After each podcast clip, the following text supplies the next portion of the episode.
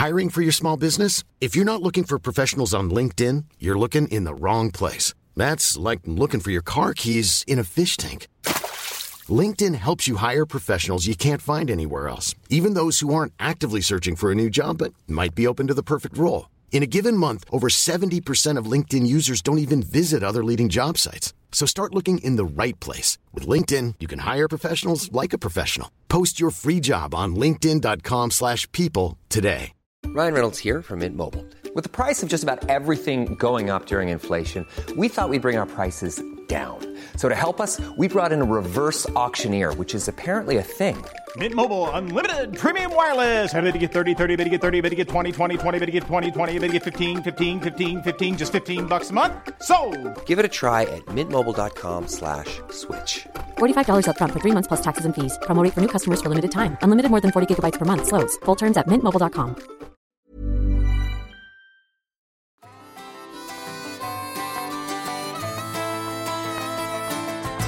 Hej och välkomna återigen till eh, Toppenjakt. Eh, vår podcast om jakt. Vår take på jakt kan man väl säga. Jag heter Kalle Zackari Wahlström och med mig har jag Lex och Pang Anders. Hej! Tjena, tjena. Hej. Hur är det med er? Jo, men det är väl bra tycker jag. Är, eh, lite så här, jag har en hund som står piper utanför dörren och eh, som går mig allmänt på nerverna nu för tiden och har så gjort de senaste två veckorna. Vi är inne i en dålig spiral. Men eh, annars, jag ska inte klaga, det är superbra. Jo, men klaga. Det är ju därför man har en podcast. Berätta, Jaha. vad, vad är det för fel? Vad gör de? Ah, men jag vet inte, alltså allmänt, jag tror att det handlar om ettårsgrejen. Hon är ju ett år nu och eh, allmänt jävla jobbig alltså. Vi är Spökåldern brukar man kalla det va? Ja, det sägs ju att det är vid 17 veckor och vid ett år de flesta hundar lämnas bort. Är du sugen eller? eh, Nej, men ja, fy fan. Ja, alltså faktiskt eh, ibland. Men det, nej, jag vet, det ligger nog mycket hos mig också att jag håller på, eh, alltså. Och så blir det som en dålig spiral. Hon piper och jag blir less och så piper hon ännu mer. Och så går hon ut och så krafsar hon på dörren efter en minut, ska in och sen eh, piper, piper och till slut får jag ju något jävla snedbryt liksom och bara, men nu jävla skärper du. Och Ja. så blir det som, ja det spinner bara på mer och mer och mer så att jag, jag får som ta ett omtag känner jag. Är det något man vet så är det att det där funkar ju inte. De blir liksom bara osäkra när man skäller på dem för strängt. Nej, nej jag vet, men det är ju mycket som man gör som inte funkar som man ändå gör. Jo, jag vet. Alltså absolut. Herregud. Alltså jag, Typ det jag, jag får Men, psykbryt eh, på mina hundar dagligen. Men det hjälper ju inte vår relation direkt. Nej, men, men jag, jag tänkte så här på det idag, att det kan vara att vi inte, alltså vi jagar ju heller inget nu. Nej. Man bara, ja, Nej, det, nu är vi, vi är här liksom. det är så jävla tydligt. Och Ja. du, eh, Kalle, tackar som frågar. Det är superbra. För jag Ja, kul. har en hund som är bara svincool att ha hemma. Alltså hon är också ja. understimulerad. Och jag kommer precis till samma sak som eh, Pang-Anders. Det är så jäkla tydligt nu att, ingen, att jaktsäsongen är slut. Ja. Och att jag dessutom när jag är ute och försöker jaga grisar för att hon ska få dösök och sådana saker misslyckas gång på annan. Hon, hon, hon är ju också, li- men alltså hon är ändå, i stort är hon så jäkla snäll alltså. Åh, vad härligt. Vad kul för dig. Ja, Nej. ja, men vad, vad, det är ju jobbigt med understimulerade hundar under lågsäsong. Alltså det, det är ju hemskt. De, de är inte gjorda för att vara sällskapshundar våra hundar. Utan de är gjorda för att, att kuta runt i skogen. Och jobba Ja. eh, liksom, för sig själva rätt mycket också. Så, så de är ju svinjobbiga när de inte får göra det. Jag, Men- kämpar jättemycket med det. Men jag tycker ändå att jag som stimulerar hon, ja, dels fysiskt, och det, där är det ju svårt att köra liksom slut på dem, det ska man inte göra heller. Men, och sen så här lite lydnad, passivitetsträning, eh, lite så leta godis ute i snön. Ja, men nej, nej, jag vet inte. Men har ni snö fortfarande? Jo, vi har ju svinmycket snö. Vad sjukt. Men det är ganska varmt på dagarna, men, men det är fortfarande snö. Det är, det är minus på nätterna, så då smälter det som inte så fort. Just det. Eh, Okej, så du gör de där grejerna. Du åker skidor fortfarande eller menar eller? Ja, ja, ja. Jag, jag tror vi faktiskt häromdagen hade vårat eh, PR i, på milen. Och Det var helt isigt och eh, svinsnabba skidor hade jag. vad, jag vad, vad fick du för stark, tid då? Alltså. Ja men eh, typ 30, nej inte 30, 20 någonting. Vad fan hade jag? ja men typ 24 kanske. Oj, men Oj. då börjar det bli bra. Mm. Ja. Men det var, det, var, eh, det var snabbt före. Så att jag, jag ska inte ta åt mig äran eller inte bara ge humlan äran heller. Utan förrätt, jag och humlan var bra. Oj, oj, oj. Så det var ju bra. Eh, en annan grej man kan göra under lågsäsong är att åka till ett hägn. Eh, Mm. det, det är någonting som jag brukar göra med mina hundar när de fyller ett år. Eller jag har gjort det hittills med de hundar jag haft i alla fall. Eh, som en födelsedagspresent. Men också så jävla skönt att, att ha något att göra under lågsäsong. Alltså man får liksom lite... För man blir som, man får ju som du säger psykbryt på hundarna. Och då är det ganska kul att få komma till en jaktsituation, eller inte jaktsituation, men till en situation som påminner om jakt. Att man påminns om varför man faktiskt har hundarna. För, för ibland kan man ju undra det. När de, alltså jag har ju till exempel en som fortfarande bajsar inne. Så, här, så det är svinjobbigt. Man, varje morgon man kommer upp så måste man, då måste man liksom gå runt och leta efter vad fan hon har bajsat. Alltså det är Istas min valp. Ja, men det där jag, det är ju för att hon är så jävla tjurskallig. Det måste det vara. Ja, det måste vara det. Alltså vi går så här svinlång promenad precis när vi- ska sova. Och sen så då är det som att hon bara väntar tills hon kommer in. Då bajsar hon. Men då, och då, då är det bra på ett år. Men vad fan, hon borde ju inte bajsa inne, nu får hon ju skärpa Ja, eller hur? Man tycker det. Och man brukar säga så här, inga vu- vuxna hundar bajsar inne. Men, men alltså, vi varit så jä- alltså, det är när man bor så här som vi gör, då är man så jävla slarvig med allt. Men, Alltså, man, jag, alltså, jag är så slarvig med, mina, med det där. Så att jag, jag, har inte, jag har inte skött liksom den där... Alltså du vet, eh, vi hade ju också alla valpar, vi hade ju den här, hela den här kullen från början. Och så det här med kiss och bajs från valparna, det var ju som bara vardag för oss. Ja. Så när man får hem en ny valp, då är man ju så här, om den pissar inne en gång, då är man så här, oj, oj, ut med det. oj, oj." Men vi hade ju haft åt, sex valpar som pissade och bajsade inne i åtta veckor. Så för oss var det ju ingen stor grej om hon pissade inne. Så vi gjorde, alltså jag har liksom inte skött den där den träningen så bra. ah, shit. Så du har inget datum så här, ja men hon blev rumsren då och då, utan det är fortfarande... Nej, nej för fan. Alltså, hon är ju rumsren oftast, Ja. men ganska ofta är hon inte det. Eh, Nej, men och jag jag, för jag har ju fattat, jag har ju bara mig själv att skylla när det gäller det där. Men, men uh, alltså g- gränserna för vad som är liksom uh, ofräscht, det suddas ut lite när man bor på bondgård. Ja, men, Ja, men vi kan, ju, vi kan ju ändå berätta för dig då att jag tror att 85% av att, att de, folk tycker att det där är ofräscht. ja, kul. Ja, det är kul att få en liten reality check då och då. Ja, ja, ja. Man, man tappar ju perspektiven lite här ute. Eh, I alla fall, vi kan åka till ett hägn, eh, vad jag höll på att prata om. vad roligt. Eh, ja, men jag tänkte göra det. Eh, eh, på fredag ska jag åka till eh, ett hägn med Istass och släppa henne. Eh, det, det kommer ju bli... Alltså jag är inte så orolig för att hon kommer att jaga och sådär. Men, men det ska bli kul att göra den där grejen med henne. Och så får hon skälla lite, så får jag plussa på henne. Och har jag tur så kan jag kalla in henne någon gång. Och så här. Men ja, precis. Eh. För där jag, fråga, frågan är ändå så här, vad har du för förväntan? För du låter ju jäkligt avslappnad. Mm, ja men och det... Alltså jag tror att jag, just med istass så, så är jag rätt avslappnad. Jag har ganska låga förväntningar på henne. Vi, vi fick ju som sagt en kull med sex valpar.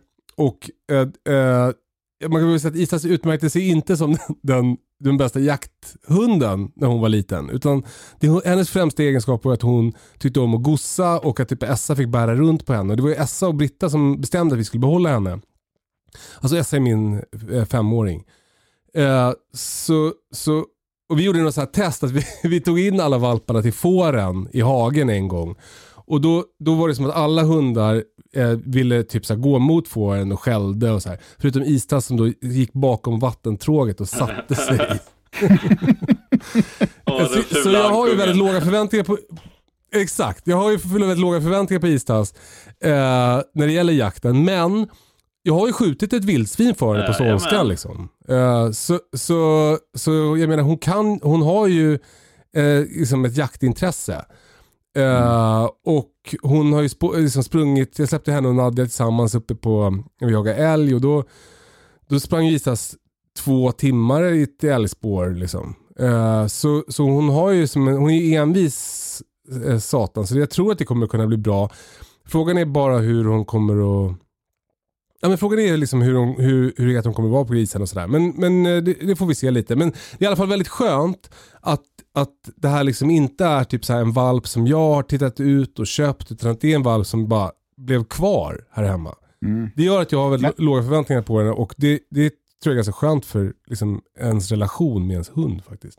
Men hur mycket kan man se egentligen när de är sådär små, åtta veckor på om det ska bli, jag tror inte att, att man kan se någonting liksom vad gällande jaktmässigt. Nej, fast alltså, Eller? jag tror att det är svårt. Om man typ så här åker och hälsar på, om man ska åka och tinga en valp, då tror jag att det är helt omöjligt att se. För då kan Ja. den ju liksom, den kan ju ha varit lekt svinmycket innan och var jättetrött, så bara ligger den och sover. Så tänker man så här, fan vilken slö hund, den här vill jag inte ha. Bakis typ. Exakt. Eh, eller så, eh, men om, om man som jag då lever med valparna i åtta veckor, det är ändå två månader som man lever med dem. Det är dygnet runt som man håller på typ. Eh, och då, då tycker jag ändå att man börjar kunna se liksom, tendenser. Sen vad det, om det överförs till vuxen ålder vet jag inte riktigt. Men de var, hade ju olika personlighet och olika drag liksom. Det var ju Ja, några som alltid gick längre när vi var ute och så här. Och, no, och som Isas då som helst ville vara, vara med en och, och bita i en. Hon var ju också, eh, typ, Isas var ju typ störst så hon tyckte väldigt mycket om att brottas med de andra och så här. Men hon, hon var ju inte så mycket för att liksom gå på upptäcktsfärd och, och så. Hon kändes inte så modig liksom. Men, men ganska kul. Men är det inte så, alltså en del av det du har sett då från början till nu. Det är ju också ungefär det som kan komma att förändras ungefär nu och kanske något år framåt. Ja, hur tänker du då? Ja men det är bara någonting jag har fått för mig. Att, Mm. alltså, vissa hundar blir precis som man har trott. Mm. Och vissa när de är helt liksom klara med hela könsmognadsgrejen och alltså börjar bli lite mer vuxna där och treårsåldern så här. Så kan de vara ganska annorlunda Mm. mot vad de var Mm. ja, från början. Mm. Liksom. Ja men och sen så vet man inte heller hur de blir i en jaktsituation. För som Bonnie, min gråhund när hon kom, hon var ju väldigt, eh, väldigt, väldigt eh, liksom ängslig av sig och vek. Och hon är fortfarande typ så här, gör inget väsen av sig. Och lå- om det är något som låter mycket inne, då går hon undan och så här. Så hon är ju väldigt som timid. Men, men i jaktsituationen så är hon underbar. Så, så man vet ju inte heller när hunden får sitt jobb sen så kanske, då kan ju det där f- liksom förändras. Alltså det kan ju, Ja, då kan man ju få se sidor av hunden som man inte har sett förut. Alltså när drifterna slår in tänker jag också. Ja, men exakt. Kanske de slår till. Ja men det kan inte vara som eh, hos människor då att en så här stökig uppväxt eller, eller ungdom gör att man blir lugn när man blir äldre och tvärtom. Har man inte varit med om något så måste man hålla på och stöka när man blir 20-årsåldern typ. Vilken typ av uppväxt har ni haft? Vad hade du Pang Anders?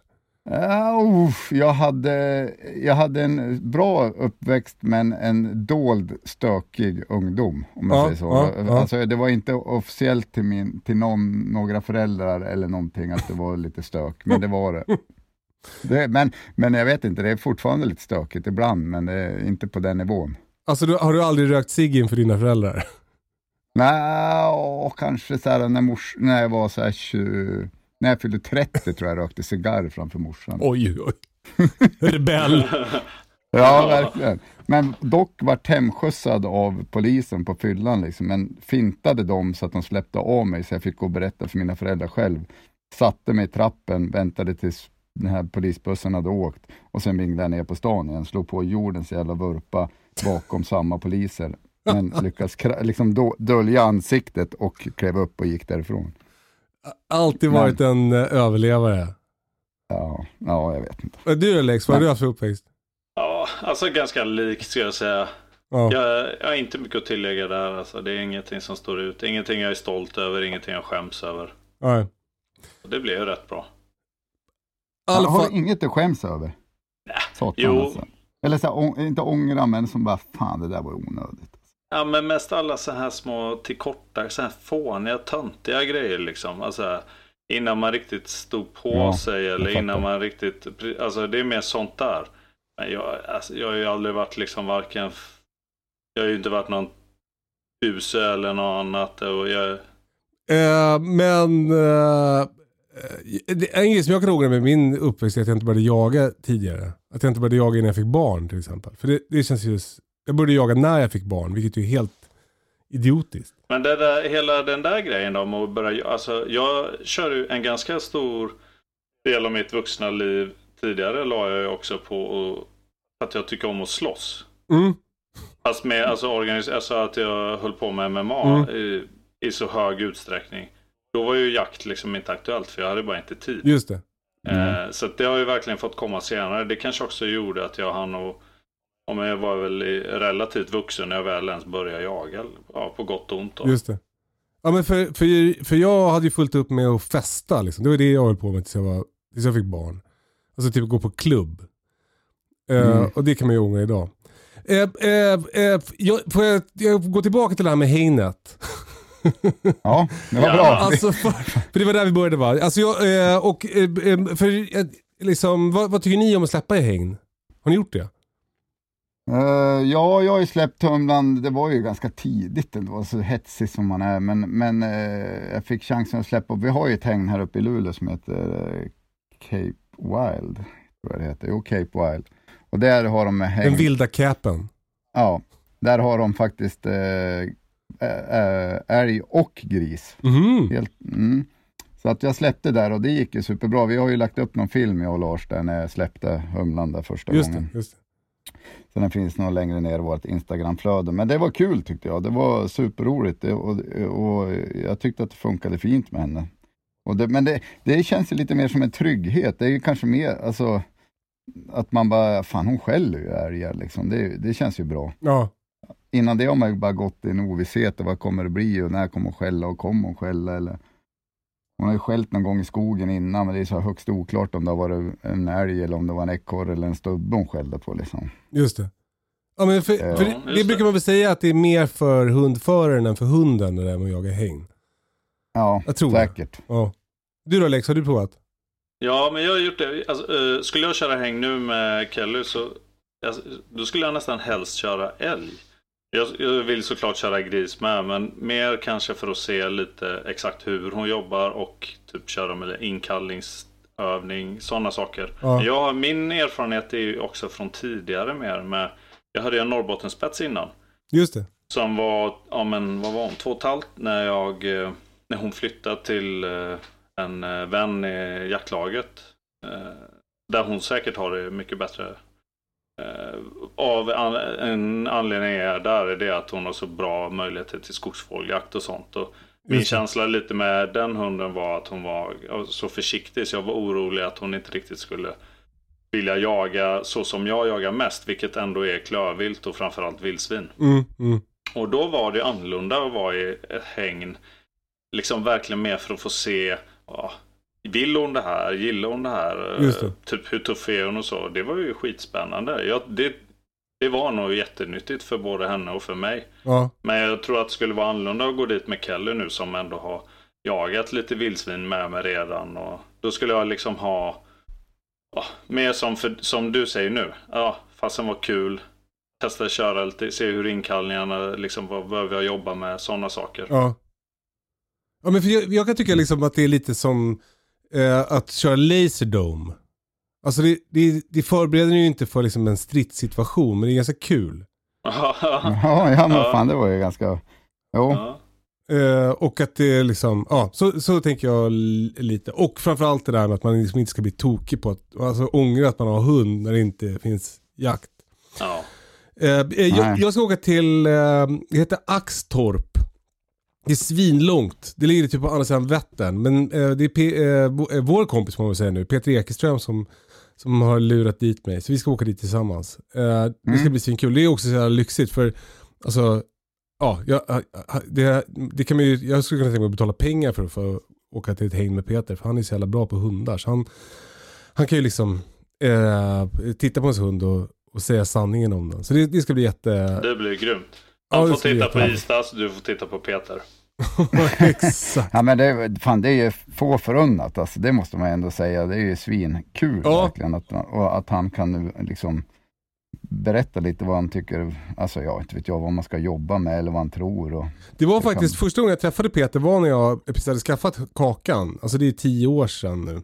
mm. Då, då åkte jag och träffade honom för att jag kände att jag behövde liksom, ja, men lite styrning i hur man är med sin hund överhuvudtaget. Han är ju svinbra på sånt. Så, så ja, Eh, det blir som en cirkeln sluts lite. Nu ska han få titta på min senaste hund. Eh, Och vi ska försöka få eh, med oss eh, Lars som ska filma lite också. Så det blir svinkul. Då kan vi lägga ut det på, på internet sen. Så kan ni få se när vi är i hägnet. Ja, kul. det, alltså det blir ju skitspännande Då, och jag tror att ändå många kommer tycka att det är kul för att vi har ju fått ganska mycket frågor om vi inte kan filma mer. Och, Ja men exakt. Eh, apropå, apropå respons så eh, blir i alla fall jag jätteglad när jag läser all respons vi har fått efter förra veckans avsnitt. När vi pratade om det här med liksom vilken sida av jakten vi visar upp. Och det verkar som att, eh, för vi var inne på att vi tycker att det finns ett värde i att visa upp liksom sanningen eller vad man ska säga.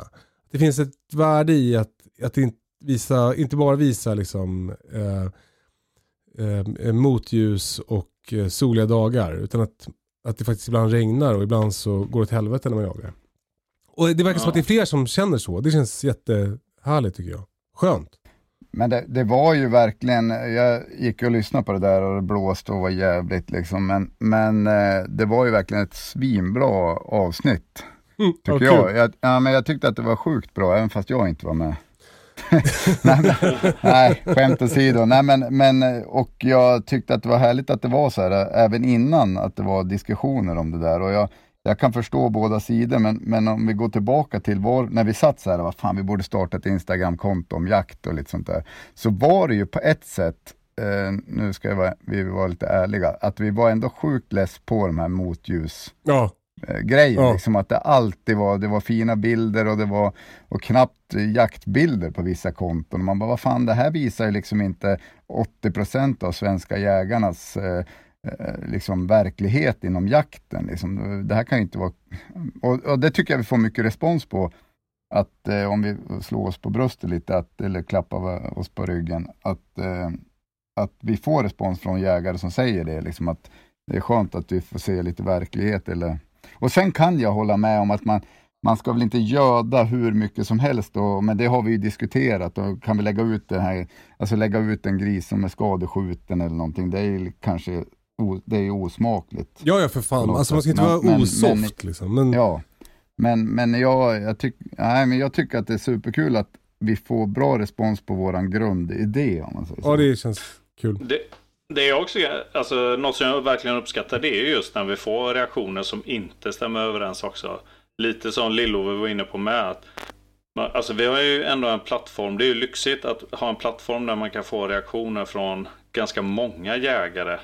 Och alltså få se rätt många olika perspektiv. För det är ju som ni säger, det är så himla många som tycker till och det är så många som hör av sig. Och det är schysst att inte bara få dunkar i ryggen också, även om det är glatt. Liksom. Utan att Nej, få höra absolut. vad folk verkligen tycker. Och, alltså, vi kan ju bara försöka bli bättre.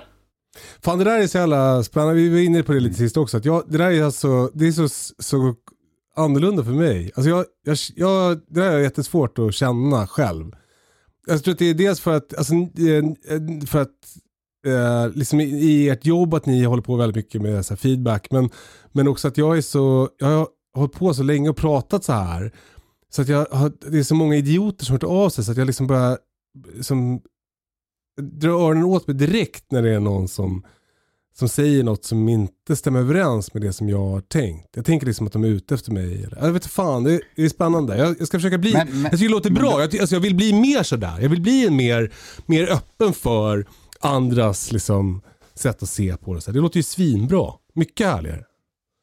Men det, det ma- man ska säga där tycker jag också ändå att eh, en person i den där diskussionen som startade med den här bilden på det var ju, det var ju som ett agg mot dig på något sätt. ja, det ska, han men det skrev var- ju det faktiskt. Han skrev Ja, faktiskt det, taskigt. det var han ju ärlig med att skriva å andra sidan. Men, men jo, men, men jag tänker att man måste tänka att alla har sina liksom, verkligheter, eller vad man säger, Ja, och, ja. och, och, och rela- liksom, erfarenheter. Och, och eh, vi sitter ju inte inne med alla svaren, men och jag, tycker att, jag tycker som Lex också att det är ju, en- det är ju något vi kan, alltså det är kul när det kommer igång en diskussion, sen behöver inte vi vara med. Vi kan starta den lite grann ibland och sen bara följa med lite grann. Men, men och, och, och, Ja, men jag, jag kan varit- också det hade ju- först... Eller förlåt.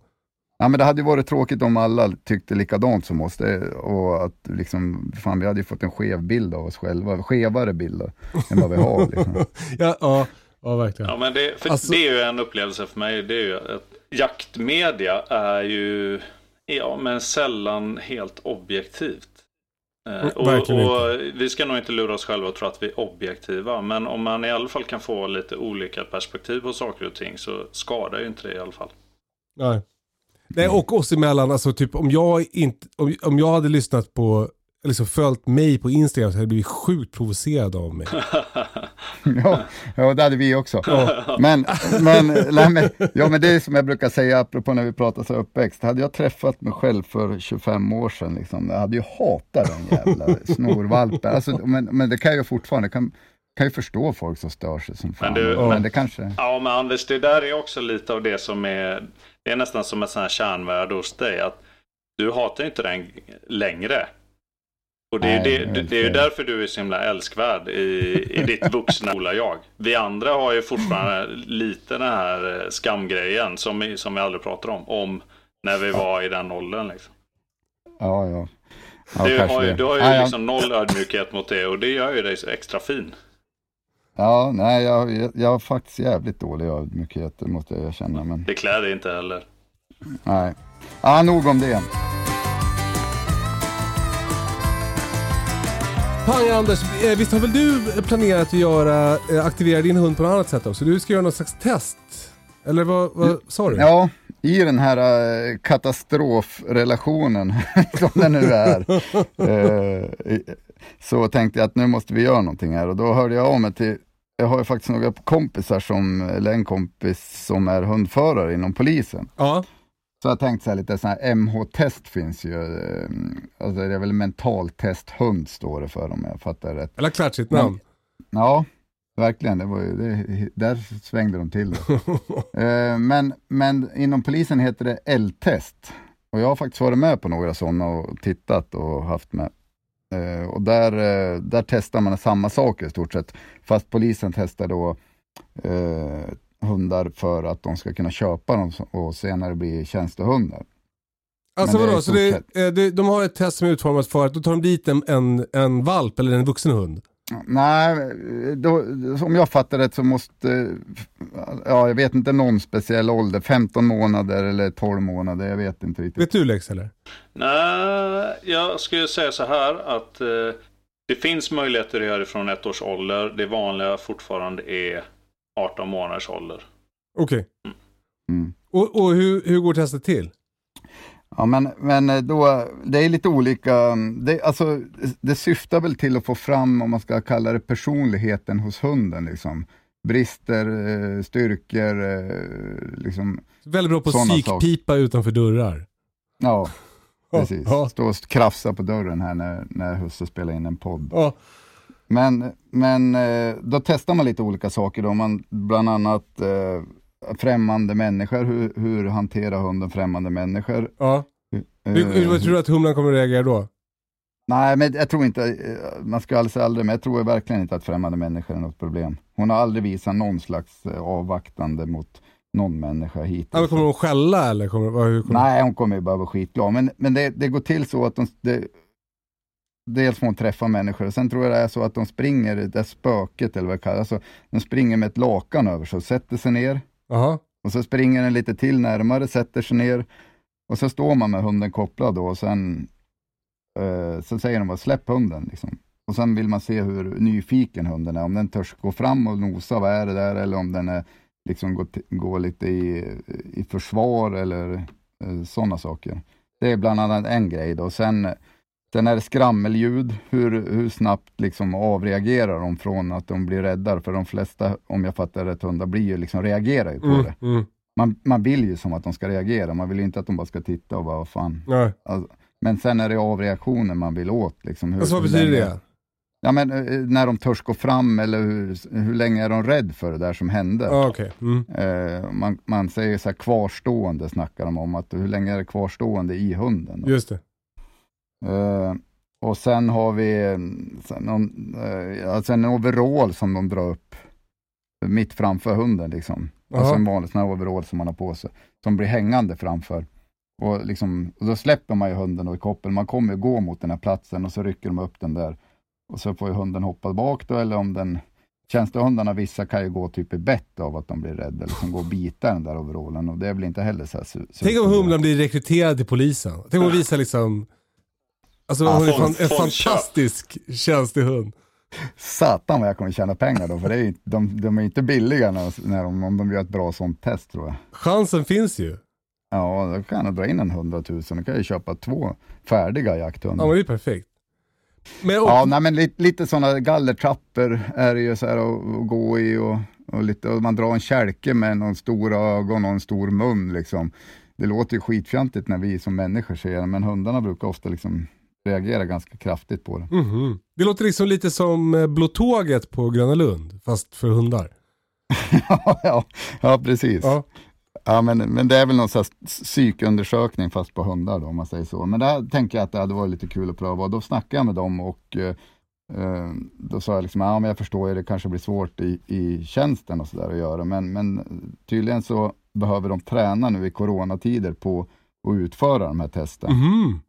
För att de kan inte resa runt så mycket som, det är han testledaren där, han kan inte resa runt så mycket som han vill. Fan, vad och då spännande. tar de gärna emot dem. Okej, Eller, okej. gär, eller gärna, ska jag väl inte säga. Nu är det inte så att alla lyssnare med hundar kan åka till polisen och, göra sånt här kanske. Men, Nej. men eh, Får du, eh, får du för filma? ja, jag, jag tänker att vi ska göra det. Jag ska väl nyttja Lars där också och försöka filma lite och, Mm. och så får de berätta lite om vad, de, vad, vad, det, vad som händer och hur reaktionen hos humlan är och vad de har för utlåtande. om henne. Men det tror jag blir kul. Kul. Gud vad spännande. Mm, det, blir, det blir skoj. Sen håller jag också faktiskt på att boka upp ett eh, grissläpp här i vår i hängnet här uppe. Så Ja. att, eh, det, men jag tänker att snön ska för, försvinna först. Låter vettigt. Vad, vad gör de med grisarna på, på vintern där uppe? Får de bo inne då eller? Det är mycket snö. Nej, jag vet inte. När fan de bor de väl ute? Eller? Kanske jag har inte en aning. Ja. Eller så trampar de upp så pass mycket. Nej, jag vet fan inte. kanske har något litet grisstall. Vad skulle du säga Alex? Nej, det var precis det jag sa. Hur fasen ser det ut? Och släpper man hunden in i ett litet stall? Hur fasen? Ridhus. Spilta. Ja, men sen hade jag en fråga till. För, eh, vi pratade om det, Kalle. Om, jag hade ju gärna hängt med och kört eh, med Kalle nu också. Men eh, alltså, skickar man iväg sin ettåriga hund med en god vän till att släppa den också? Ja, Ja, det eller hur? tycker jag. Ja, det, Det det, måste tycker ju- jag verkligen. Det måste ju bara vara, alltså, plus att hon har ju ändå i alla fall haft en ganska bra relation. Du är ändå, du är liksom pappa för henne tänker jag. Precis, jag är ju hennes babypappa. Så Ja. det, det är alltså att jag har legat med min hund Bonnie. Eh, men, Men, men det, där tycker tycker jag verkar vara lite så här stelt. Är är inte det, kan inte det där vara känsligt folk? Att, eh, det är ju inte känsligt i, hos oss inom vårt gäng, liksom, men, men att låna ut hunden till, till någon annan. Och det förstår inte Eh, riktigt ja, jag. för, ja, är det det? Alltså, för, ja, för mig är det Ja, tvärtom. Det känns ju mer värdefullt om någon annan jagar en dag med min hund än tvärtom. För det lär ju utveckla mer på något sätt. Jag, jag tycker att det där, det, det, det, eh, eh, det finns liksom båda sidor här tycker jag. Jag tycker att det är jättekul att låna ut mina hundar till, till liksom folk jag litar på. Det- Jag tror att det är en annan grej lite om man jagar här nere, Anders. För att det, Mm. här finns det så mycket, dels är det mycket vägar och dels finns det farliga vildsvin. eh, Som ju eh, liksom gör illa hundarna ganska mycket. Så man, man behöver liksom att någon eh, är beredd att, kuta för ens hund. Och det gör inte alla tror jag. Nej, nej, men det är sant. Så- För jag tänker liksom att även om de blir skadade så hade de lika gärna kunnat bli skadade när jag släpper humlan kan de lika gärna bli skadade som om ni släpper humlan. Men, men jag förstår, det kan ju vara, alltså, det krävs en viss fysisk status. Ja, lite på fysisk status men Och också liksom en, en vilja att, att, eh, Ja. att göra det där. Att fatta liksom, ja men ta en kula för hunden lite. För jag, jag tänker att jag tar ju en kula för mina hundar och det, det Mm. vill jag känna att, att den jag lånar ut hunden till också gör. Ja, nej, men jag förstår att man inte lånar ut det till någon random Ja. person som säger att de har jägarexamen, men, men, men, men ett- på något sätt har jag ändå fått för mig, men jag kan ha fel, att det är lite så här, för jag har ju någon tanke här nu, jag vet inte om vi var inne på något annat här, men, men jag kom på att jag, jag eh, ska ju lämna Humlan tror jag till Lill-Ove där i slutet av november när ja- älgjakten tar slut här uppe. Ja, kul. Så får hon flytta ner till honom i några månader och vara där nere eftersom att han får valp, ja som det verkar och förhoppningsvis i höst, så har inte han någon hund att jaga med. Så då tänker jag att det är, det är så win-win. Han får jaga med henne, eller ha en hund att jaga med och hon får jaga och träna liksom. Det är, jävla, det är ju perfekt för Ja. dig. Alltså så jävla dröm. Slipper du de här jävla månaderna när det inte händer någonting. Nej, precis. Så slipper jag också gå upp halv sex på morgonen och gå ut med honom och jag slipper dammsuga varje dag. Alltså, Nej, det där tror jag, det är precis som du säger och resten det är bara någon form av sunt förnuft lite som ska Ja. sägas. Man, det är klart att det inte är kret och plete. Men det finns ju en så himla styrka i det tycker jag. För jag, har ju, jag vill ha ju, ja men säg 16 jakthundar. Och jag börjar ju bli stressad. Jag inser att jag kommer inte kunna ha alla de hundarna jag vill ha, kanske ens under min livstid. Inte om jag ska Nej. jaga ordentligt med allihopa och så vidare. Och då finns det ju en riktig sån här räddning i det och det är ju att kunna låna andras hundar eller i alla fall få gå bredvid eller gå med. Säg nu Lars kanske kommer ha en stående fågelhund och få jaga med det ibland. Det, blir, det vore ju grymt liksom. mm. Ja. Nu, nu känner ju vi alla vi varandra så väl också. Man, I alla fall jag litar ju som på er och ni har ju bra koll liksom, så att det är väl kanske en sak då. Jag förstår ju att det kanske är känsligt ibland. Men det är ju Men, också, ja. alltså jag tycker att det är något speciellt. Jag, jag, jag tycker inte som du Lex att det är så här att ja, men då jag kan låna dem an, någon annans hund. Jag, jag tycker liksom att det är eh, eh, mycket roligare att jaga med mina hundar än med andras hundar. Ja, absolut. Ja, ja, det, jag köper det till Alltså, det är 100%. som- Det är mer den här stressen på inte jag kommer inte kunna ha varenda ras och varenda sorts hund och jaga ut det totalt liksom. Nej. Men jag, jag Nej. fattar vad du menar. Det, det är ju hela grejen med att vara, ha hund. Det är att göra saker upp med hunden. Absolut. Mm. Mm. Ja, så är det. Det blir en annan, en annan känsla. Och jag måste väl kanske bara klargöra att jag inte, alltså det kommer ju vara lite tomt om hon flyttar ner. Det är inte så att jag bara, fy fan vad jag hatar hon. Jag vill bara jaga med hon. Jag är inte dum med hon. Nej, vi är inte Nej, oroliga. men det, är alltså, det är, men samtidigt är det ju också så att, typ, att hundvakt är, är nästan lika skönt som barnvakt. Alltså det, Ja, det, det är ju jävligt mycket jobb med hund, att ha hundar. Det jag, jag som har lite andra typer av djur också, för hundarna är ju absolut mest jobb. ja. Ja, och de behöver ju dig mest av alla Ja. djuren också. Ja. Men, men får jag fråga, skiter era hundar, Kalle din skiter ju inne, men, men de andra då? skiter de på tomten? Mm. Ja, nej, ja alltså, det gör de. Ja, eh, jag, jag har inte staket så jag, jag kan inte ha mina hundar löst. Så då, då måste Nej. jag, jag gå med dem. men i hundgården då? Skiter de i hundgården? Ja, ja för fan. Ja. Som, som attan. Som fan. Ja. Nej men alltså humlan skiter ju, alltså, hon har gjort det några gånger men hon är ju så här lite fin i kanten. Alltså hon skiter ju inte, jag har ju som en inhägnad stor, eh, hyfsat stor innergård liksom Ja. och sen hundlucka till förrådet där hon har ett hundrum. Eh, Där är ju hon på dagarna fram till lunch då, så rastas hon där vid lunch. Men hon skiter som inte på, det har hänt några gånger och då är det som att hon är lite dålig i magen. Annars Mhm. är det som att det är panik, vi måste gå. Skiter. Ja. Vilket, Men det tror jag man får respektera. Så, så är mina två hundar nu också. Och jag har varit med om an- annorlunda innan. Det får man bara respektera att, eh, att de behöver få chansen att skita utanför. Men det är ändå skönt att veta att de kan ju skita. Där. Jo, fast, fast det här är perfekt egentligen för mig. Alltså om man bortser för att jag måste gå ut med honom för att hon ska skita, så är det ju som jag, alltså vi är ju ändå också på den här innergården. Det är inte en hundgård, utan det är ju som våran eh, innergård. Mm. Så att man kan ju gå ut barfota utan att behöva liksom halka i en skit och slå på en vurpa liksom. Ja. Ja. Alltså jag, jag hade det sämsta av två världar förut. Jag hade ju, när vi bodde i radhuset, då hade vi en, en, som en liten innergård på baksidan. Där släppte jag ut hundarna. Eh, men bara liksom för att de skulle pissa på morgonen. Men, men då, där sket ju alla jätte, jättemycket. Förutom Kakan. Kakan har aldrig, alltså hon som dog nyss. Hon, hon har aldrig skitit i hundgård. Utan hon måste liksom få promenaden. Ja. Men de andra skiter jättemycket i hundgården. Så då, då har jag liksom dels plockat bajs men också stressen att, att komma ut. Liksom. ja, jag fattar. Men nu, nu, har ju det, nu är det över för nu är ju Kakan död, rest in peace. Så, så nu, nu kan jag chilla. För nu, nu, Nu kan du bara plocka bajs. Bara mocka. ja, nu är det bara liksom bajs blandat med legobitar upp på övervåningen och också bajs i hundgården. Det, det är som inte läge för dig att köpa en eh, sån här robotdammsugare. Nej, nej, jag, jag har ju Björn så han, Ja, han sköter ja. det. Ja. Alltså du säljer ju in eh, fyrhundarsgrejen något fantastiskt Kalle. Det är, alltså, jag är glad att jag i alla fall kan få låna dina hundar ibland. För jag lär ju inte få fler hundar nu. Det kan jag säga. Nej men alltså det går ju inte att ha så här många hundar om man bor, om man har liksom ett, ett vanligt boende. För jag, jag hade ju tre hundar när jag bodde i, i radhuset. Och det var så mycket hund i- när de är, när de är inne hela tiden. Det är så mycket hund liksom i huset så det, det går inte. Och, och så måste man ju gå med dem då, alltså varje gång de ska gå på toa så är det promenad. Så då, det var ju typ fyra fem gånger om dagen som man gick promenader. Det, det, Ja. det, går, det, det, det går ju inte. Alltså, Men två, två hundar, så alltså, jag tänker som äh, hemma, måste ju vara optimalt. mm, alltså man brukar, det, man, det liksom, mm. Man brukar säga det där, en, har man en kan man lika gärna ha två, har man tre kan man lika gärna ha tio. ja, Det är en sån så där sägning om hundar. Så, så två tror jag är toppen. Men, men om du ska jaga vildsvin liksom intensivt, då, då klarar du inte på det. Du, du, det, är, Nej, det är för nej. lite. Nu tänkte jag bara hemma, för jag tänker, jag har ju lånat någon jämt, eller var det hundvakt åt någon jämtik som är äldre än humlan och de är ju bra kompisar. Det, det är ju svinsoft då, de Ja. bara ligger ju, eller Ja. har liksom, men eh, Ligger och surrar.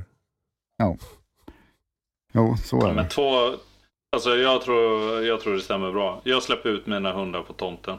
Kelle har lärt sig det fort.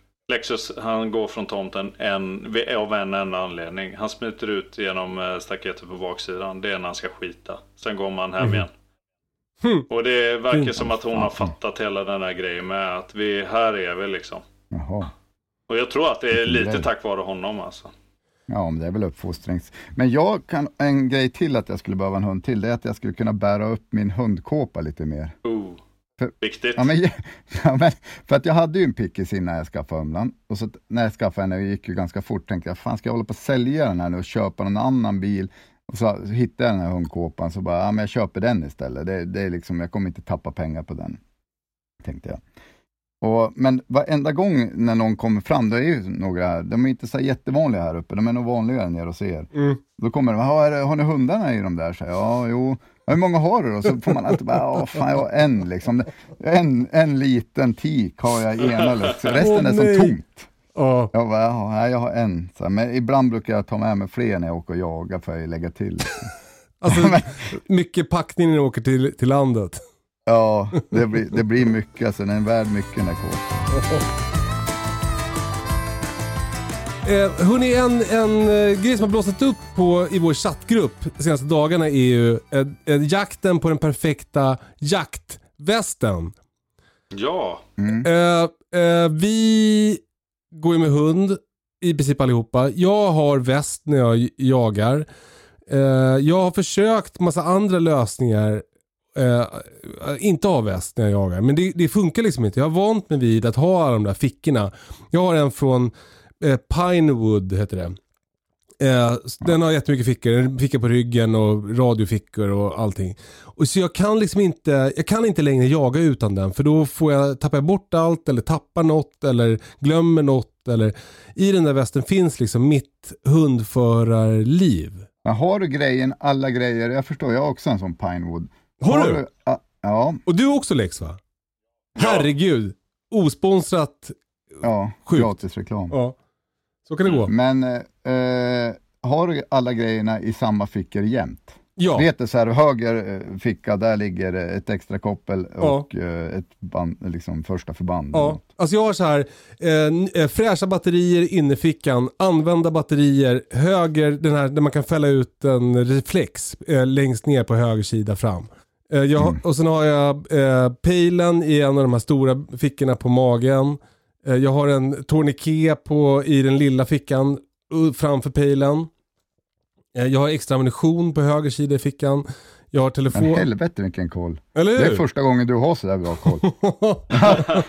ja, ja jag, det har liksom blivit så. Och, men sen glömmer, händer det fortfarande att jag glömmer koppel och att jag glömmer blöta vantar i ryggfickan och så, här, så att det luktar liksom som att eh, en, det luktar uteliggare av min väst nästa jakt och så här. Hundarna skiter inne, men det är skitsamma. Jag har jävligt bra koll i västen. Exakt.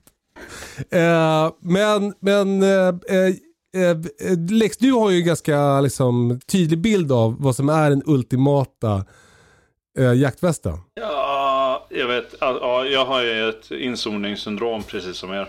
Så eh, jag tycker att jag har det kanske. Men jag har ju, alltså det påminner jättemycket om ditt. Jag har ju, förutom att jag har extra magasin eh, höger fram i minsta fickan. Alltså till jaktvapen. Men ja, jag brukar ha ett, eh, ett extra magasin. eh, Ja, I alla fall när det är på drevjakter sådär. Alltså du bara Ja, kan s- släppa ut det och trycka in ett nytt. Du behöver inte stoppa in skott. Ja, exakt. Jag gör ju taktiskt, taktiskt Ja, byte ja. liksom. Ja, ja.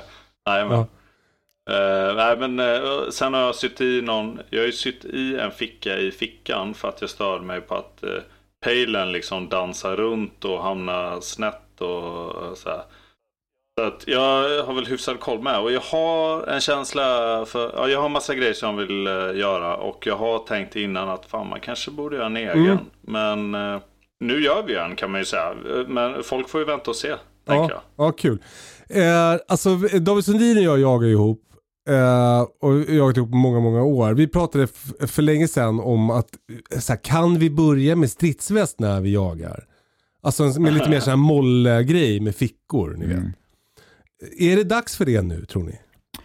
Ja, kanske, men eh, också inte. Jag vet inte. Jag har... de, de är ju jävligt bra, för där skulle jag också kunna ha bra koll på. Det vet man ju som militär och allting, att man hade ju så bra koll på vart grejerna satt och de ofta satt de likadant på allihopa, men det behöver de såklart inte göra. Det, på det är en grej men- som jag har f- snappat upp när jag gjorde eh, jag gjorde ju örnmarschen i Svett och etikett, alltså med fallskärmsjägarna. Mm. Då, då var det att man skulle ha eh, första förband i vänster benficka. Stämmer det? Ja. ja. Ja. Så det har jag på mina jaktbrallor. Så, att jag har, det, så att om någon hittar mig blödandes då kan de bara rycka upp mitt första förband i vänster benficka. Mm. Oh yeah. Det är bra. Bra. Alla, kom ihåg det nu, alla. För det är ingen, inte så många andra som har det. Men hittar ni Kalle, Nej, men det, är- kan ni väl bara, det är väl en uppmaning till alla som lyssnar på den här podden. Det är ändå ett gäng. Alltså Ja. börja ha första förband i vänster benficka, för det, det har man. Ja, men det, ja, men det, det är ju svinviktigt. Ja. Ja. Vad sa du Lex? En stark elastisk binda och... Ja men eh, jag, jag har en tourniquet precis som du. Ja. Men, men eh, det minsta man kan begära är kanske ett, ja, en stark eh, elastisk binda. Det kan man ju göra det mesta med. Och sen så, jag brukar ha något kit med lite vatten, alltså rent vatten och lite tejp och såna grejer. Men det är mer för hunden. Ja. Men typ tourniquet eller i alla fall någonting att dra åt eh, ja, ben och blödningar med. Det, det är ju bra. Men det där tycker jag nästan den elastiska bindan är bättre än en tourniquet, för den fyller ju flera funktioner och kan ju, den kan ju faktiskt användas som tourniquet också. Om, om slår, slår man en uggla längst ut på den så kan du ju dra igenom den i den ugglan, ugglan och sen dra åt utav helvete runt benet. Alltså. Just det. Får man välja en grej så blir det det, ja då har du helt rätt. Och Ja. det är också bra om man till exempel får mens. Då är det bra att ha en Mm. Ja. så är det. Men, eh, men Molle, om vi återgår till det. Eh, det är ju, alltså allt handlar ju också lite om i, ändå, det kan vi inte sticka under stolen på, att det ska se snyggt ut. Alltså, så är det väl på något sätt. Sen har väl alla olika referenser vad som är snyggt. Kan det bli för militäriskt liksom och eh, uppstyrt med ett molleväst? Och ska, vad ska den vara för färg? Ska den vara helt orange då eller? Liksom? Ja, alltså jag, eh, jag, jag tror att eh, man får göra det här testet. Alltså det är väldigt en svår grej att komma ihåg att göra det här testet. Men hur skulle det vara om någon annan kom? Alltså om den här provocerande killen på Instagram, om jag träffade honom och han hade molle jaktväst. Åh shit, med det liksom en, en. F, en fällkniven F1 som så här horisontellt på bröstet. Då- Alltså vi hade, vi hade snackat så mycket skit Så om han mycket efteråt. skit hade vi snackat.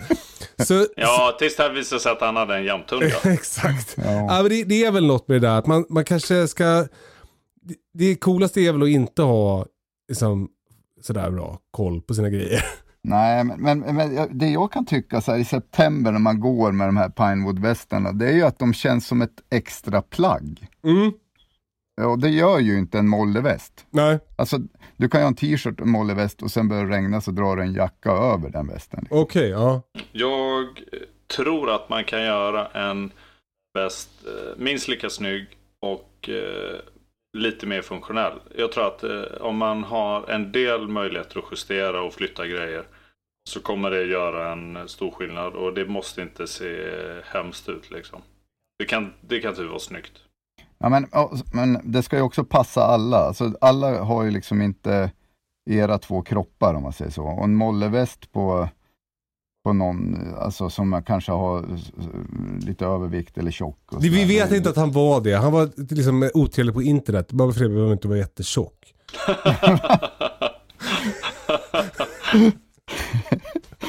Nej, vi, vi vet i alla fall att eh, vår vän eh, James kommer inte få testa några av våra västar. Nej, nej. För det kommer nej. bli så jävla falskt. Ja men alltså det är också, jag vet inte om Ja, de är så snygg, snygga de här Pinewood-västarna vi har. Alltså det är inte som att Nej, man men då har... kan man ju då, Nej, om man till exempel är tjock, Ja. eller överviktig, fan jag, nu- ja, när, när man är tjock, jag säger det nu bara, man är tjock, Ja. fast sen, då kan man ju ha den öppen liksom. Och kanske, eh, eh, förstår ni? Ja men då, då, där kommer ett tips från mig. För jag, min första sån, jag haft, jag, är inne på min andra sån väst nu. Det första gick dragkedjan sönder, då satte jag en karbinhake i de två D-öglorna som finns på mag, i magfickorna. Och n- sen när jag fick en ny sån här väst nu, då testade jag att stänga dragkedjan och då kändes det jättekonstigt. Så nu satte jag dit en karbinhake, fast dragkedjan är hel, så har jag en karbinhake som håller ihop västen över magen. Så, så det är ett tips som man, Ja. som jag eh, har lite, jag har inte så mycket kagge, men, men ja, det, det är ett bra tips i alla fall. Och så finns det väl sådana kilar att köpa till de här västarna också va? Vad Ja, är, vad är det? Ja men så, Ja, så man får in... som man har emellan, om den är för tight, alltså Pinewood-västarna, inte någon mollevästar, utan eh, som en, ki, en kil med dragkedjor på båda sidorna som man drar, alltså det är tyg emellan dragkedjorna om man säger så. Jaha. Alltså lite Mm. som att ha, en, en eh, alltså som eh, italienska män har så här dold klack i sina skor för att verka längre. Ja, ja precis. Ja, men det kanske är, det, det kanske det är. Jag har alltid tänkt om man har liksom gått upp sen man köpte den så man måste, eh, men det kan ju vara att man ska in med en jacka under såklart. Det är det ju. Just Fan vad dum jag är att jag inte har tänkt på det. Ja, ja. Det är som äh, vildsvinsvästen nu på Kelly. Jag, skyller på vinterpälsen nu, för nu är jag ju på yttre dragkedjan helt plötsligt. när det inte har varit jakt på ett tag. ja, de, de har blivit lite tjockare sen jaktsäsongen tog slut. Nej, inte min. Inte? Blir Nej, jättesmal. Ja. Ja. Pointerjäveln. Ja, det kan vara pointer även. Det kan också vara att de släpper något så sjukt. Nu fick jag med det också. Släpper så jävligt små hår. Och att hon har klivit över ett år. Jag tror att det är inte, kan inte det där babyhullet försvinna lite då? Eller? Men är det någon som är sugen på en Ja. jämthund så hör av er till podden. Det är- Pang-Anders verkar vara sugen på att släppa det. ja, ja. Vi kan få pröva om fram till september så kan jag ta tillbaka hon då.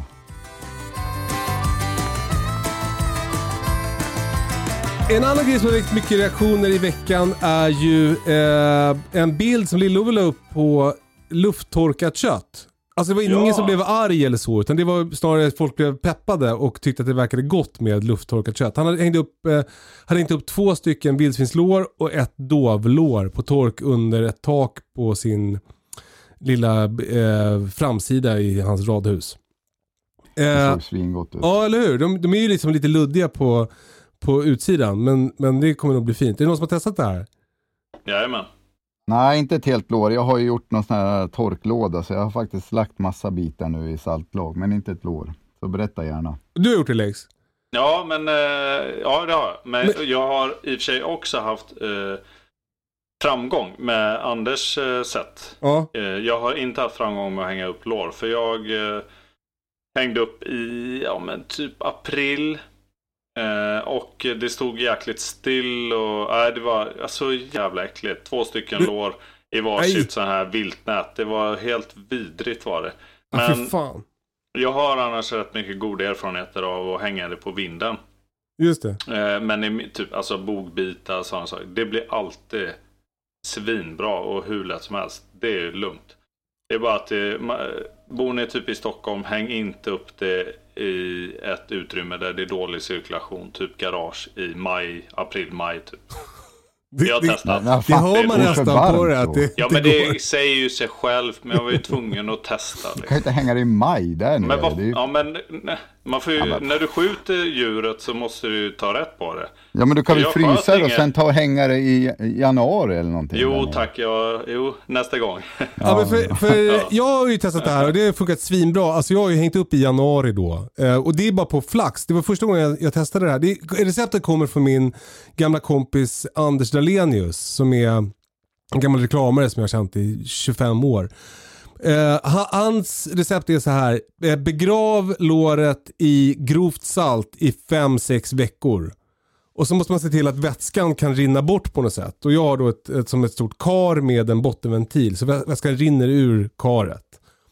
Och sen efter de här veckorna så tar man upp eh, köttet, spolar bort allt salt så att det liksom är rent och torkar det. Och sen hänger man det i en viltsäck under ett tak utomhus. Vind för våg i 12 månader. Och sen äter man det. Och jag, jag, alltså jag gjorde, ett, gjorde det här första gången mest för att jag inte typ orkade stycka ut stekarna. Alltså, det var ganska skönt att bara ta baklåret och hänga upp det. Man letar ju alltid efter liksom den lätta vägen när man håller på och styckar. Eh, och, men och så, blev det, så hängde det ett år och sen när jag skulle, så, när, närmade sig jul året efter så skulle mina svärföräldrar komma hit. Eh, och jag kände typ såhär, jag måste provsmaka innan jag bjuder dem för att se om jag blir dålig. För, för jag hade ju ingen aning, jag har hängt utomhus i ett års tid, även under sommaren liksom. Eh, och så, så jag åt det, men det, då var det, det var så jävla gott. Alltså det, det, det var helt det var som den godaste prosciutton eller, eller sån där pata negra man har ätit. Alltså supernötig, bara försvann i munnen.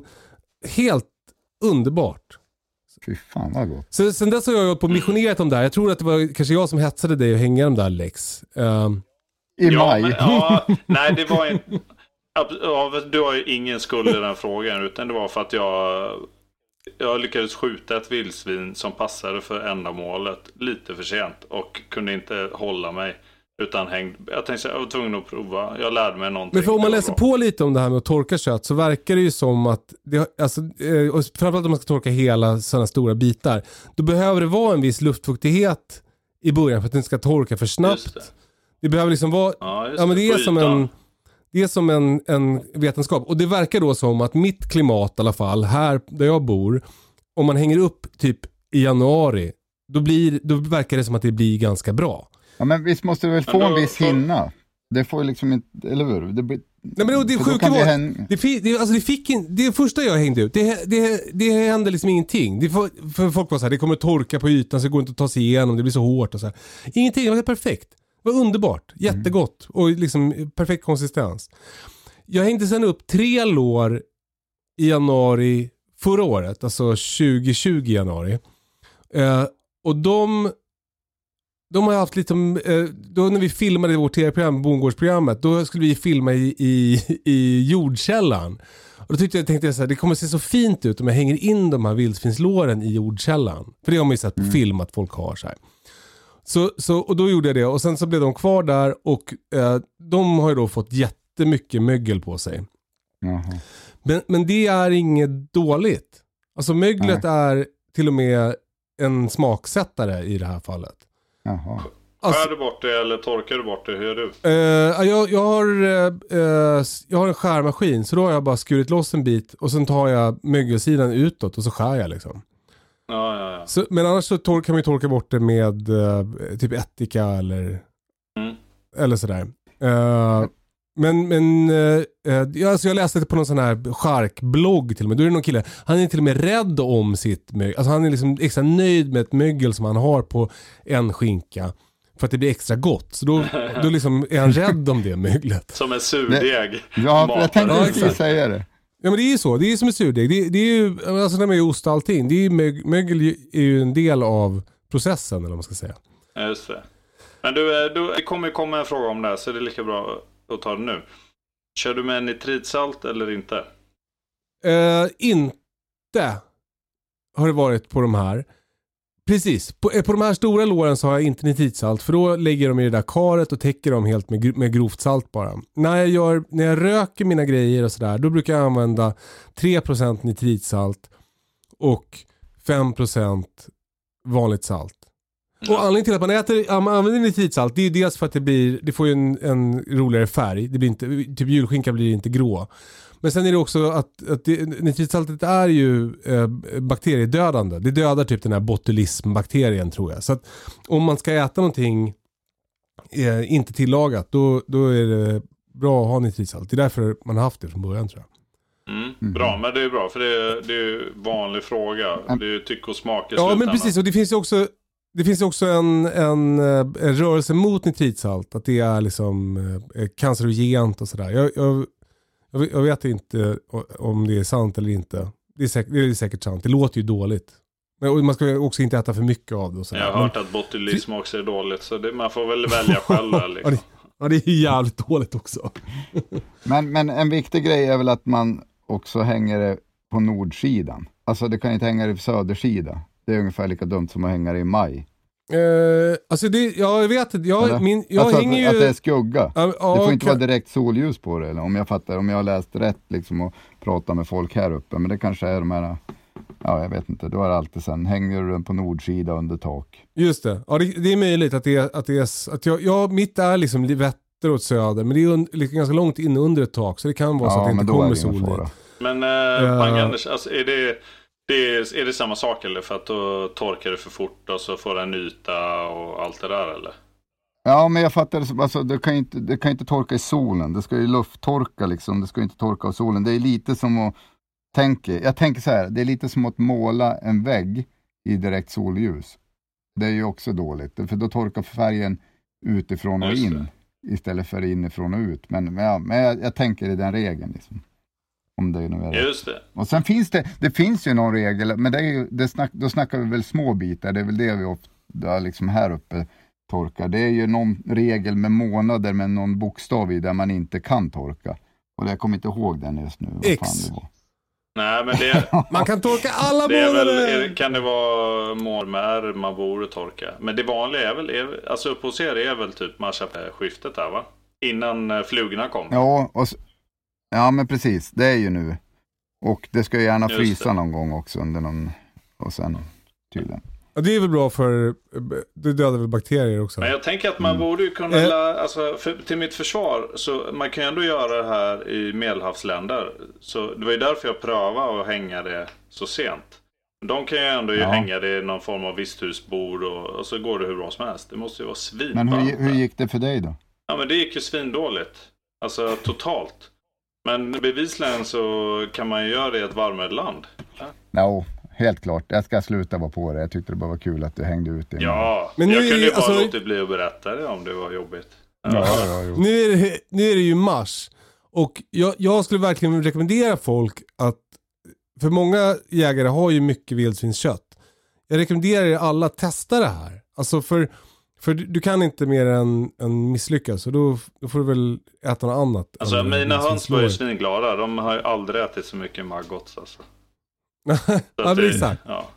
Så prova. Men jag har ju, det är lite så här fusk, det är inte lika genuint och inte lika vackert, det, det kan man ju faktiskt erkänna. Men jag har ju byggt en sån torklåda. Mm. Där jag kan, då kan jag ju tork, liksom sätta ut i förrådet eller någonting och, och köra den lådan. Det går ju jättefort på bitar. Nu har jag lagt några älghjärtan och några saltrullar och några orrbröst och lite sånt där. Lägger du hela saltrullen då eller? Eh, ja, om den inte är jättestor. Alltså Och en, från älg? Mina är ju pretty stora om jag säger så. så att, Ja. Nej men, men, och då bygger man ju bara en fläkt och lite sånt där. Och, Men berätta hur du har gjort då. Ja men då var jag köpte en stor som plastback liksom med lock. Ja. Och, Alltså som man har lego i i vanliga fall. Ja men precis. Ja. Men den ska ju vara ganska hög så att du kan hänga kött i den. Den får inte vara sån här låg. Eh, och sen så borrar jag då hål för rör som jag trär in liksom uppe. Eh, just under locket. För att hänga sen köttet på. Ja precis, Ja. och så hängde jag köttet på det. Och sen fräste jag ur det med en dosfräs. Oj, oj. Eh, jag tror det var 10 eh, 100 mm dosfräs. Eh, två stycken hål, ett på vardera sida. Och sen eh, sätter jag dit en badrumsfläkt. Så sätter jag för ett myggnät för, eh, för det andra hålet då. Mhm. Och sen får man väl välja. Jag, jag gjorde så att jag eh, trycker in luft tror jag. Eller om jag suger ut. Nej, jag vet inte. Skit, det kan väl vara skitsamma. Och sen så får den där fläkten stå på. Så drar ju den, den liksom, då, då blir det ju rörelse på, på um, luften där inne. Och det funkar superbra. Så det, jag får till det bättre där än vad jag får när jag hänger det i torkburen som jag byggde för något år sedan. Och vad, hur lång tid tar det? Ja men alltså, för mig tog det typ en vecka tror jag. Eller Ja. sådär. Eh, däremot pratade jag med våran polare Henkan, han har ju också byggt en sån där. Han körde den ju inne liksom i garaget där det är 17 grader varmt och där tog det bara några dagar och vart jättebra. Mm. Kul. Så att det är väl en snabb variant, den är dock inte lika genuin men den, den fungerar ju året om. Men den alstrar ingen värme den här utan det är bara luft som flyttas liksom. Det är bara luft som flyttas ja. För, för jag har ju eh, ett, en torkugn. Alltså som en liten eh, ugn som också torkar grejer. För att torka frukt och kött och allt Ja. möjligt. Och, och den gör ju på en, en natt torkar den ju alltså man gör så här jerky typ. Ja, Men då använder man ju värme också. Den, den kan ju liksom dra upp en temperatur och blåsa luft. Mm. Eh, Men det går jävligt snabbt. Och, och d- för små bitar är den grym. Och jag torkar ju svamp och ja, men lever till hundarna och en nypon och chili och ja, massa grejer. ja, det låter ju svinbra. Ja. Ja men för, för det finns ju, det är ju som härligt det där att hålla på och hänga upp och man har snören med äppelbitar i fönstren och allt sånt där. Men om man kan bara lägga in det i den där och, och, och köra en liten stund så då är det ganska skönt att det går så snabbt. Jo. Och det är kul att hålla på med sånt där. Man får ju en jävla energi när man håller på med det där tycker jag. Ja men för, för mig så blev det väldigt stor skillnad faktiskt på eh, jag har alltid tyckt om att jaga vildsvin men, men jag har liksom alltid varit så här. vad gör man med kött? Britta vill typ inte äta det och så här. Ja. Men, men när jag började med köttförädling, när jag började göra bacon och julskinkor och allt sånt där, alltså charkgrejer av vildsvin, då blev det mycket, mycket roligare. Mhm. Ja, Så- jag förstår. Ja, så det, Ja, men det kan jag svamptork, eh, jag kan behålla. Man har sån jäkla glädje av den till allt möjligt. Eller torkugn. Ja, Men de här, de här som jag ska ta, ursäkta Alex. Det är lugnt. Torkugn Ja. eller svamptork. Ja, Ja, men det, jag tänkte röka det här lite från, innan jag torkar nu. Hur länge ska jag röka det då? Har ni gjort det? Ja.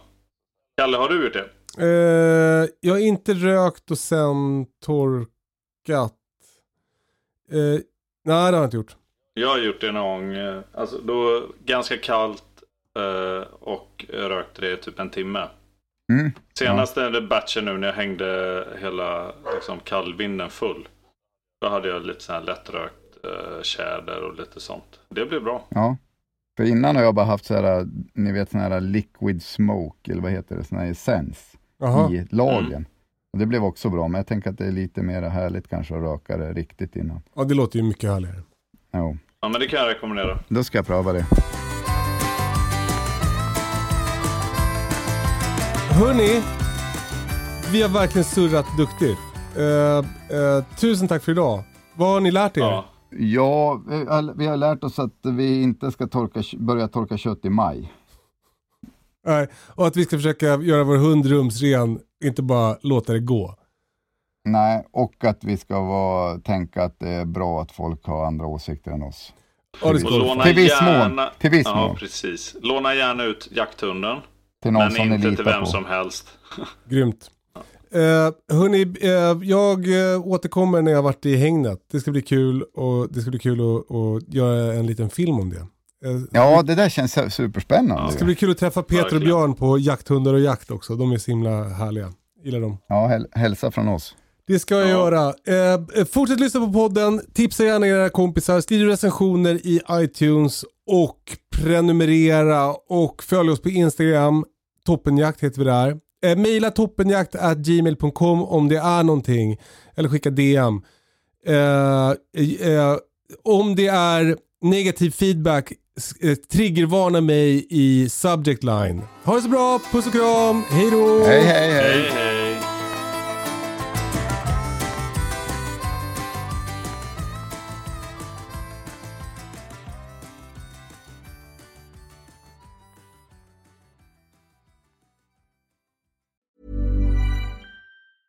Mom deserves the best, and there's no better place to shop for Mother's Day than Whole Foods Market. They're your destination for unbeatable savings, from premium gifts to show-stopping flowers and irresistible desserts. Start by saving 33% with Prime on all body care and candles. Then get a 15-stem bunch of tulips for just $9.99 each with Prime. Round out Mom's menu with festive rosé, irresistible berry chantilly cake, and more special treats. Come celebrate Mother's Day at Whole Foods Market. Even when we're on a budget, we still deserve nice things.